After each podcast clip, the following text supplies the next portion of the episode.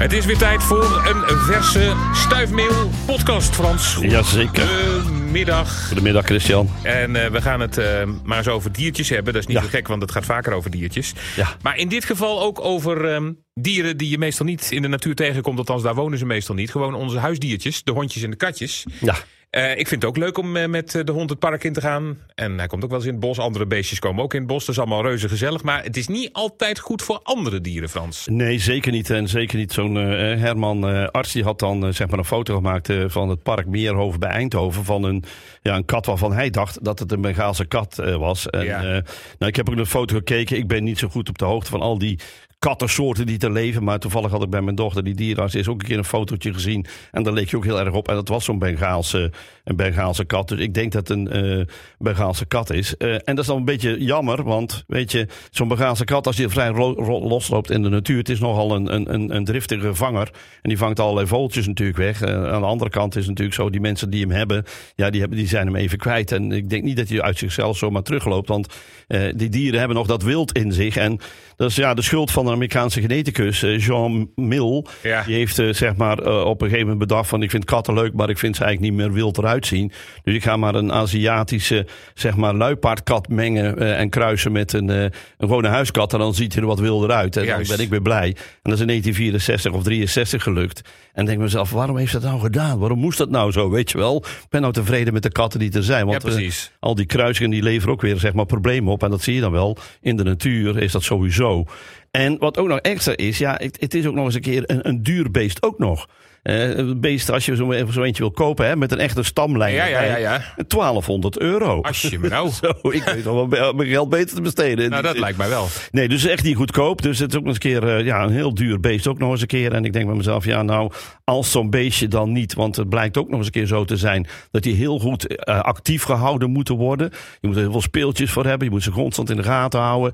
Ja, en als je dat eventjes niet doet, dan is je vroets weg. En dan gaat hij de natuur in. En dan hebben wij alleen maar last van dat beestje en van zijn haren. Wat ook in de natuur Is dat het vooral? Of, zij, of, of laat hij ook een, een spoor van vernieling achter? Ja, nou, ze, ze, ze- het zijn hele, zeg maar, eh, ja, goede rovers, zal ik maar zeggen. Want ze hebben dus dit, dat, dat, dat wild nog in zich van, die, eh, van, van waar hij ooit mee gekruist is. eh, Die Aziatische, zeg maar, luipaardkat. Nou, het woord zegt alleen maar luipaardkat. Ja. Dat betekent dat het echt wel hele goede vangers zijn van alles wat er beweegt en, en, en rondloopt. Dus dat betekent voor de Nederlandse natuur, ik denk dat mollen, zeg maar vogels, eh, langzame eh, bunzingen, langzame, eh, zeg maar, hermelijntjes, wezeltjes, egeltjes, die zult het wel heel lastig hebben. Ja, ja, maar dan kan ik me ook zo voorstellen. Er zijn ook mensen die hebben zo'n Bengaalse kat. En die denken van ja, dan kan Frans wel zeggen van ze zou hier niet moeten zijn. Maar, eh, maar, maar die boswachter krijgt hem niet hoor. Nee. Nee. nee, dat snap ik wel. Maar het punt, punt is natuurlijk, kijk, als ze hem binnenhouden, ja oké, ik bedoel, ik, ik- snap met dat mensen, hè, er zijn mensen die hou- houden hele vreemde dieren binnen. En ik ben blij dat er nu steeds meer nagekeken wordt wat er niet meer, want ze ontsnappen soms wel eens en dan Ja. hebben wij overlast in de natuur. Ja, Eh, Denk maar eens aan wat er in Engeland gebeurd is. Daar zijn de grijze eekhoorns uit Amerika ontsnapt uit diverse zeg maar, gevangene, gevangen toestanden. Hè. Dus zeg maar dierentuinen, parken, maar bij mensen privé ook. ja. En de rode bruine eekhoorn, de roodbruine eekhoorn is daar bijna niet meer te vinden. Die is gewoon, dat is de inlandse eekhoorn, die is gewoon verdwenen. Die is gewoon opgevreten En dan door kun je, ja, maar dan kun je zeggen van ja, oké, dan is dat de vervanger. Maar ja, dan krijg je ook allerlei ziektes erbij die erbij horen. Want die, die dieren hebben dus ook nog een keer wat ziektes meegenomen. En zo zie je dat heel vaak die door mensen meegenomen dieren, Ja. door de dierenhandel. Eh, ja, die, dat betekent inderdaad dat er heel vaak ook eh, zeg maar rare dingen bij zitten. Die weer zorgen voor extra druk op onze natuur. Die toch al, eh, waar toch al zoveel druk op zit. Ja, maar hoe lossen we dit dan op? Nou, ik denk dat de dierenbescherming een beetje moet vangen. Sowieso voor die mensen. Want ik denk dat ze ook heel graag dat diertje terug willen terug hebben. willen hebben, ja. Want ja, 1200 euro, als je dat kwijt dat- bent, dan vind je het ook niet prettig. Nee, dat moet niet door het bos lopen. Nee, nee, dat is wel duidelijk. Maar ja, dan voor de rest, ja, binnenhouden lijkt me ook niet zo'n zo'n optie. Want alle gordijnen Ja, komen naar ja, beneden. blijkbaar eh, lukt het hun dan niet.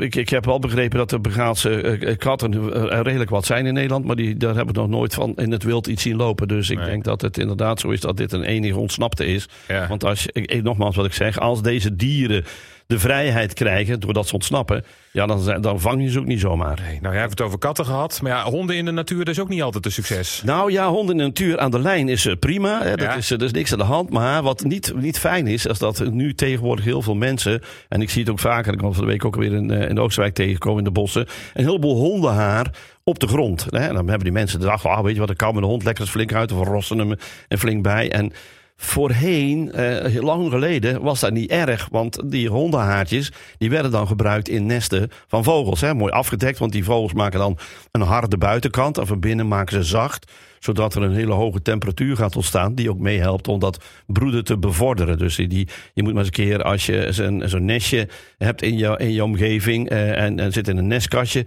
en steek je vuist er maar eens een keer in, dan voel je hoe warm dat kan zijn. Dat is echt enorm warm.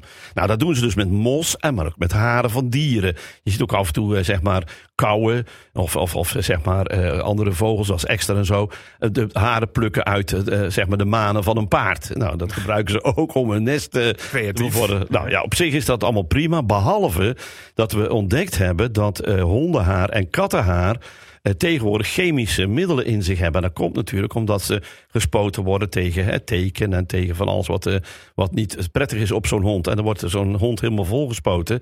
Nou, die haren hebben al die resten in zich. En die beestjes die leggen dat, uh, vogeltjes, die leggen dat in hun nestjes neer. Om, wat ik net al zei, de, de, eitjes goed te verwarmen. Maar nou blijkt dus dat ongeveer, zeg maar, 90% van de koolmeesjes die getest zijn, er waren 41 dode koolmeesjes. En 90% daarvan was uh, doodsoorzaak chemische middelen die in die haren hebben gezeten. Dat hebben ze kunnen bewijzen door het onderzoek. Nou, als mensen absoluut dat rapport willen hebben, kan ik ze dat toesturen. Maar het is dus bewezen dat die hondenharen en die kattenharen ja, dodelijk zijn voor uh, nestjes uh, van mezen. En vooral de jonge meisjes, die sterven dan daardoor. Ja. Terwijl we eerst dachten dat het was gekomen door de buxusrupsbestrijding. Maar nou blijkt dus dat hondenhaar en kattenhaar nog net zo erg zijn als dat. Ja. Omdat die chemische middelen er gewoon in zitten. Maar kom je die veel tegen? Losse hondenharen, kattenharen? Nou, ik kom ze toch regelmatig tegen. Ja, absoluut. Mensen die de hond meenemen op wandelen. En dan zeg maar de kam bij zich hebben of een, of een borstel. En dan flink uit gaan borstelen.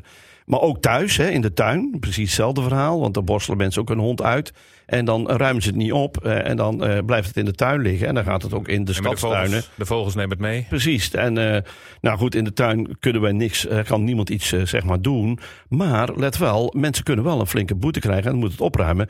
Want je mag geen afval in de natuur nalaten. En dat wordt getiteld als afval. Dus, dus je hondje even kammen in, de, in het bos, dat mag dus niet. Ja, je mag het kammen in het Jawel, bos, maar, maar de haren meenemen. De haren moet je meenemen. Dus, dus. kam je hond zoveel mogelijk in het bos, dat maakt mij allemaal niet uit. Maar ruim het op. haren mee, want anders heb je heel veel dode koolmeesjes in de omgeving. Of pimpelmeesjes, of staartmeesjes, enzovoorts, enzovoorts. God, nooit geweten dat mijn hond gewoon een dodelijk gevaarlijk beest was. ja, ja, tegenwoordig wel. Nou, dus. Ja, nou, dat is dus, misschien, eh, oh, toch nog even dit. Hè.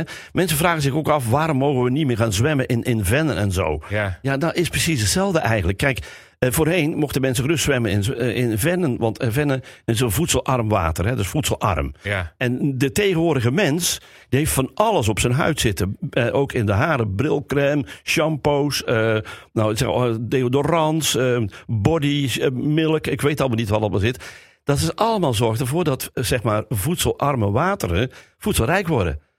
Kijk, en dus als er nou één mens was die dat dan deed, en één mens heeft al dat spul op zich, en, en, en van alle 70 miljoen Nederlanders, Dat ja, weg, ja. was het niet zo erg, weet je wel. Maar iedereen heeft het tegenwoordig. En uh, ja, dat kan dus niet. En dan gaat dus een fan ook helemaal, ja, dat gaat dus helemaal veranderen, omdat er te veel van dat soort stoffen erin blijven. En dat is eigenlijk precies hetzelfde met de honden.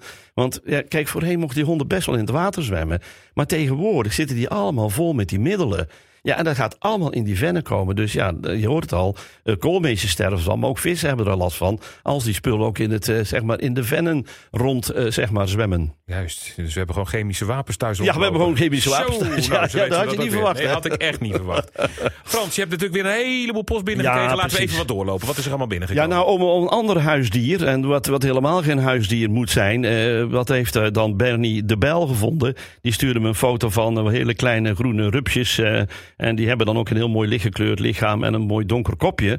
En ehm, ja, het is niet zo fijn dat hij dat in huis heeft, want wat hij heeft is, hè, weer een buitenlands diertje, de Indische meelmot. De Indische en meelmot. is dus meegekomen met allerlei zeg maar, transporten.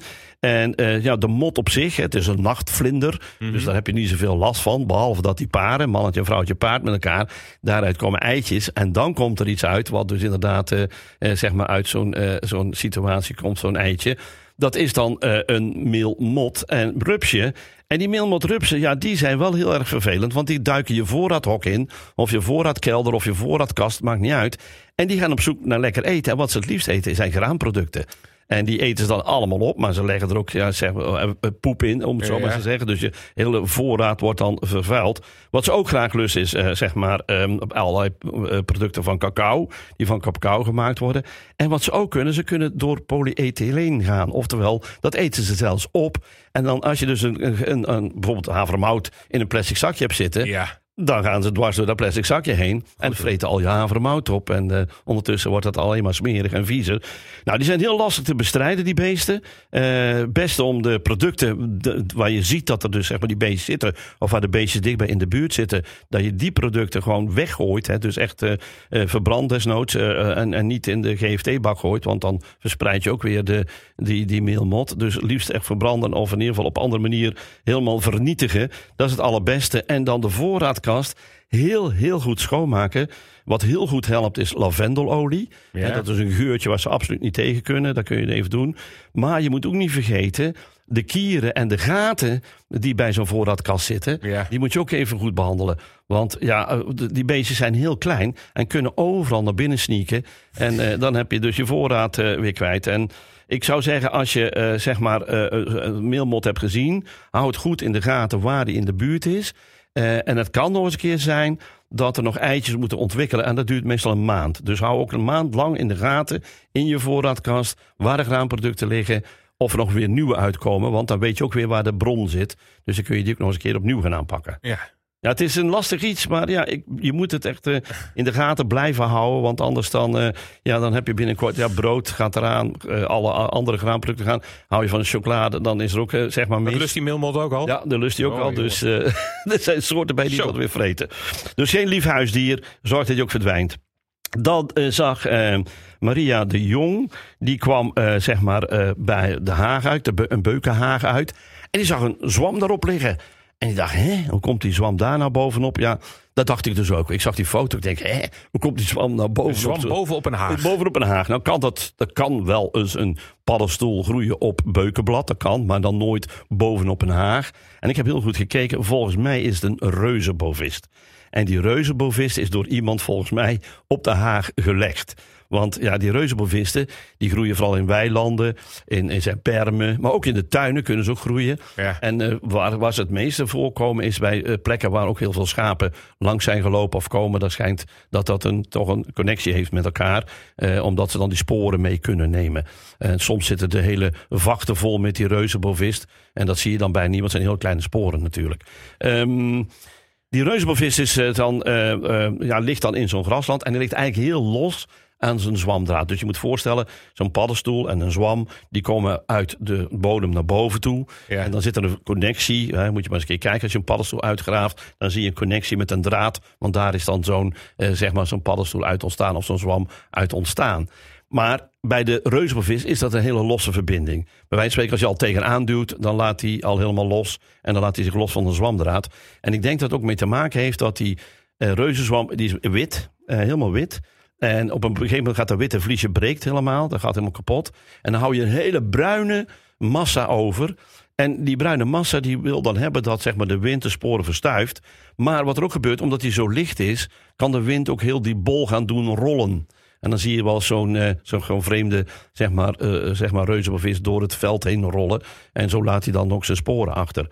Wat ook heel bijzonder is bij deze reuzenbevis is dat hij ook eh, eetbaar is. Maar er zit toch een maartje aan. Ja. Eh, voorheen was je heel goed eetbaar, maar dan praat ik over heel veel jaren geleden. Nu tegenwoordig zitten er allerlei metalen in de bodem. En die neemt die reuzenbovist ook op. Dus als je dan een reuzenbovist wilt gaan eten, zou ik toch wel even kijken en nameten of je niet metaal heeft opgenomen, dat hij heel puur en zuiver is. Want anders ja, neem jij zelf ook metalen in je op. En dat is niet zo best om dat te doen. om dat op te gaan eh, meten. Ik denk dat je dan maar beter kunt zeggen, van, laat hem dan maar staan. Laat hem dan maar Laat rollen. staan. Laat maar rollen. Ik koop bij de groenteboer maar wat champignons. Ja, ook lekker. Ja. Of, eh, of oesterzwam of, Of zo. ook, dat kan ook. allemaal. Kan allemaal. Nou, dan eh, had Miranda Nichols, die had ehm, ja, een heel mooi klein beestje op haar hand. Die dacht van, hé, hey, ik heb eh, een klein diertje in mijn hand. En ze dacht eerst dat het een teek was, maar toen keek ze nog een keer goed. Zei, nou, het is geen teek, maar wat is het dan wel? Nou, het is een bladluis. En die bladluizen, daar zijn er verschillende kleuren van. Je hebt ze paars, rood, groen, geel, zwart. Allerlei kleuren zijn er van. Er zijn heel veel soorten. Eh, wat doen die bladluizen? Die gaan juist uh, sapstromen leegzuigen. Dus die gaan op zoek naar een groeipunt. Dat kan een, een eindpunt zijn van een stengel waar de, een nieuwe bloem op moet komen of een nieuw blad op moet komen. Of bij een boom. Kan het ook zijn bij een, bloemknop. Uh, daar gaan ze dan zitten, steken een soort stekende zuigende snuit naar binnen toe. Het zijn natuurlijk hele kleine diertjes, maar ze hebben wel hele scherpe dingen die zo zo'n sapstroom binnen kunnen komen. En zuigen dan die sapstroom op. Nou, als er dan eentje op zit, nou, is dat nog niet zo erg. Maar als je zeg maar, een heel plantje vol met bladluizen hebt, dan kun je het plantje wel vergeten, want die wordt dan helemaal leeggezogen. En waarom zitten ze nou juist aan die groeipunten? Omdat de boom en de struik, het plant, daar eh, de meest eh, ja, zeg maar, voedselrijke sappen naartoe stuurt. Want dat moet gegroeid worden. En dat groeiproces dat heeft veel energie nodig. En dat doen die sapstromen ook. Die geven heel veel energie af. En dan zijn die bladluizen heel erg leuk. Die weten dat, hè? Ja, precies. Nou, wat je het beste kunt doen is uh, lieve heersbeestjes zoeken en die daarbij zetten. Want die vreten die bladluizen weer op. Dus dan heb je in ieder geval minder last van, uh, uh, van, van die bladluizen. En je doet het op nog mooie biologische manier ook nog een keer. En de lieve heersbeestje wordt nog geholpen ook nog. Dus natuurlijk helemaal fantastisch. Goed, dan zag uh, Peter van der Noord, die was lekker gaan, gaan wandelen in de tropische kas bij Hortus in, in Leiden. En uh, die had daar een beestje gezien en die had hij maar op de foto gezet en naar mij toegestuurd. En hij zegt, Frans, wat is dit? En heel, heel toevallig heb ik een kennis gehad, die had allerlei tropische zeg maar, insecten in zijn soort aquarium zitten, maar dan zonder water. Ja. En dat, was, dat waren allemaal wandelende takken. Maar dit diertje zat er ook bij. En ik weet nog dat hij dat toen een woudnimf noemde. Um, een ander woord is ook wel jungle nymph, dat noemen ze ook wel eens een keer. En het zijn dus zeg maar dieren die thuis horen bij uh, zeg maar de wandelende takkenfamilie. Maar het vrouwtje is best wel groot, hè? bijna zo'n 2 centimeter, misschien wel iets meer zelfs soms. En kan uh, zeg maar 65 gram gaan wegen. Nou, je kunt je meteen al al voorstellen dat beestje zal dan wel niet kunnen vliegen. als je op de foto kijkt bij, bij de website van Omroep Brabant, daar me De link staat uh, onder deze beschrijving. Oh, die staat onder deze beschrijving. Die zetten we erbij, dus daar kun je zo, oh, kun je zo zien. Ja. Je kunt zo terugzien. Ja. Nou, het is een heel groen beestje. En uh, als je dan naar, goed naar kijkt, nou, vleugels kun je nauwelijks ontdekken. Maar ja, met 65 gram, dan is het heel moeilijk om dat in de lucht te krijgen. Nou, dan hoeft het diertje ook niet, want die stuurt pheromonen de lucht in. En dan vliegen die mannetjes op af. Want die mannetjes, die zijn een stuk kleiner en die krijgen hele lange vleugels. En die gaan op zoek naar die geuren van die vrouwtjes om daar dan uh, te gaan paren. En dan is het ook wel klaar voor die mannetjes, want dan zullen ze ook niet heel veel langer leven. Die vrouwtjes gaan een plekje zoeken om eitjes af te, zoeken, eh, af te zetten. Ja, die kun je dus alleen maar in de tropische kast tegenkomen, want uh, in het wild, in de Nederlandse natuur, zijn ze niet te vinden. Alhoewel ik wel al gehoord heb ja. dat er al wandelende takken eh, zeg maar in de natuur rond aan het kruipen zijn in de Nederlandse natuur, omdat de temperaturen allemaal zo gezellig zijn voor hun. Dus dat is wel echt wel heel bijzonder. Goed, dan heb ik een uh, filmpje op uh, de website gezet van A van Oerle van een heel mooi natuurgebied, de, Loonse, of de Huis ter Heide bij Loon op Zand. En dat natuurgebied is, zeg maar, bestaat uit deel productiebossen en een deel uit zeg maar, natuurlijke bossen al. En een hele mooie vennen. En er is die aan van Oerle een herfstopname gemaakt van vorig jaar. Nou, ik heb hem opgezet, want het is zo mooi. Zie je heel veel mooie paddenstoelen eh, zeg maar opkomen. En het is fantastisch weer vandaag. Dus eh, ga naar buiten toe en ga ook die paddenstoelen zoeken die meneer van Oerle heeft gevonden. En dan kun je misschien ook nog op naam brengen. Nou, dan is uh, Jos Geerts, die heeft ook een paddenstoel gevonden. En uh, die paddenstoel die hij gevonden heeft, dat is een hele grote. Ik zie dat niet Jos is, maar José Geerts. Vergis mij. Mag ook, ja, maak het uit. Ja, ja, precies. ja, precies. Maar die heeft een paddenstoel, of die heeft eigenlijk een hoede gevonden van een schimmel. Ja. En want alle schimmels zitten onder de grond, of onder een boom, of onder een schors, noem maar op. En die heeft die hoede gezien en zei, nee, wel 50 centimeter doorsnee, als het niet meer is. En ik heb gekeken, het is een hele mooie bruine hoed. En allebei hebben ze een mooie bruine hoed met een witte rand erop. En ze zijn vrij plat. En de naam is dan ook heel simpel, platte tonderzwam. Maar die platte tonderzwammen, dat zijn hele bijzondere zwammen. Uh, wat zit er dan vaak op uh, eiken, beuken en uh, berken. En wat zij doen, ze zijn dus zeg maar uh, parasitair.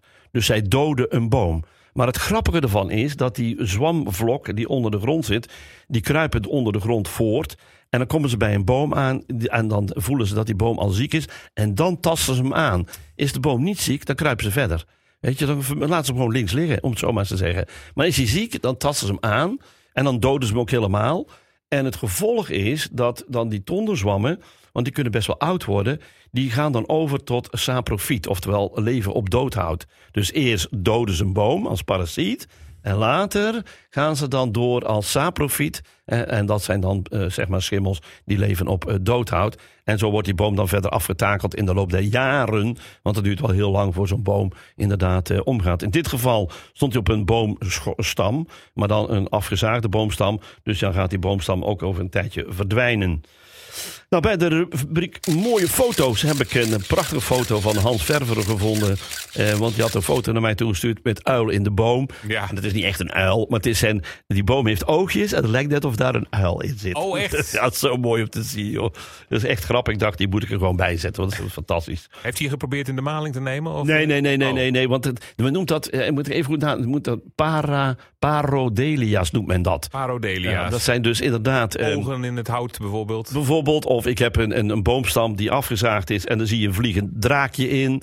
Of eh, ergens in het bos heb ik een foto gemaakt van een, een, een, een, boom die net boven het water ligt. En het laatste stuk lijkt net op een echte wilde eendekop. Nou, dat soort dingen, Dat soort die, die dingen. kom je allemaal tegen. Of hele gezichten in bomen zie je Hele ook. hè? gezichten in bomen zie je ook, ja, absoluut. Heel mooi is dat. Dus als mensen eh, foto's hebben van zoiets, stuur naar me toe, want ik ben er helemaal dol op. Dat Helemaal leuk. als, als jouw gezicht ergens te zien is. Ja, dus, eh, dat is iets anders. nou, wie weet zullen we nog tegen kunnen komen. Nou, Wie weet, Als wie we toch aan de wandel gaan, Frans, heb je nog een tip? Jazeker, want Brabants Landschap bestaat eh, 90 jaar. En ze hebben Roel gevraagd eh, om eh, een programmamaker, is dat die ook wel eens bij Varen voor Vogels zit, Ja. om een, een, soort op-pad-programma te maken die de mensen ook na kunnen lopen. En dan komt er een wandel-app. Nou, die wandel-app die heb ik ook op eh, de website gezet bij Omroep Brabant. En de eerste, die is zeg maar zondag eh, 13 november geweest. Waarin dus zeg maar Roel de eerste programma heeft gemaakt. En dat heet Ommetje om de Maai. En mensen kunnen dat nu gaan lopen, of morgen gaan lopen, of volgende week, of volgend jaar. En in de loop van de tijden, vanaf eh, volgende week eh, eh, dinsdag, gaan er steeds meer van die wandeldingetjes komen. En het leuke is, dat doen wij ook. Hè? Wij gaan dit soort dingen ook eh, hier tussen, tussen deze podcast zetten. Ja, precies. Dan kun je onze wandelingen kun je dan ook nog nagaan. Precies, en die kun je ook precies zo lopen. We zeggen precies hoe je moet lopen. Straatje links, paadje rechts. En zo gaat dat. En van- nou, Roel doet dat dan, eh, zeg maar, voor Brabants Landschap. En wij doen dat voor op Nou, hartstikke leuk. Nou, eh, Frans, tot de volgende weer. Tot de volgende.